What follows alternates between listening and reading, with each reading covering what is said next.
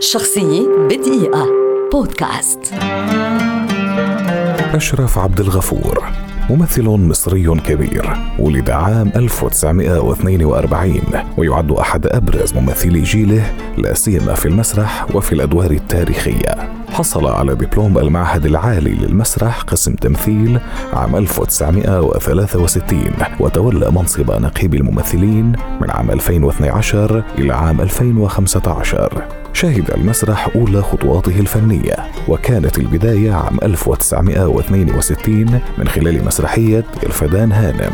وآخر أعماله المسرحية كان دور جلوستر في مسرحية الملك لير عام 2008 في السينما شارك أشرف عبد الغفور في عدد من الأفلام السينمائية منها الشيطان رجال في المصيدة وشوارع الخلفية.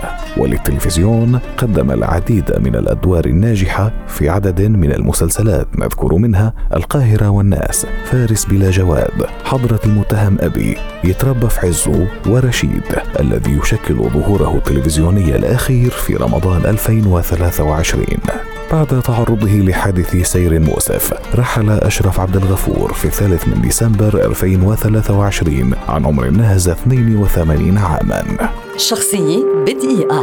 بودكاست.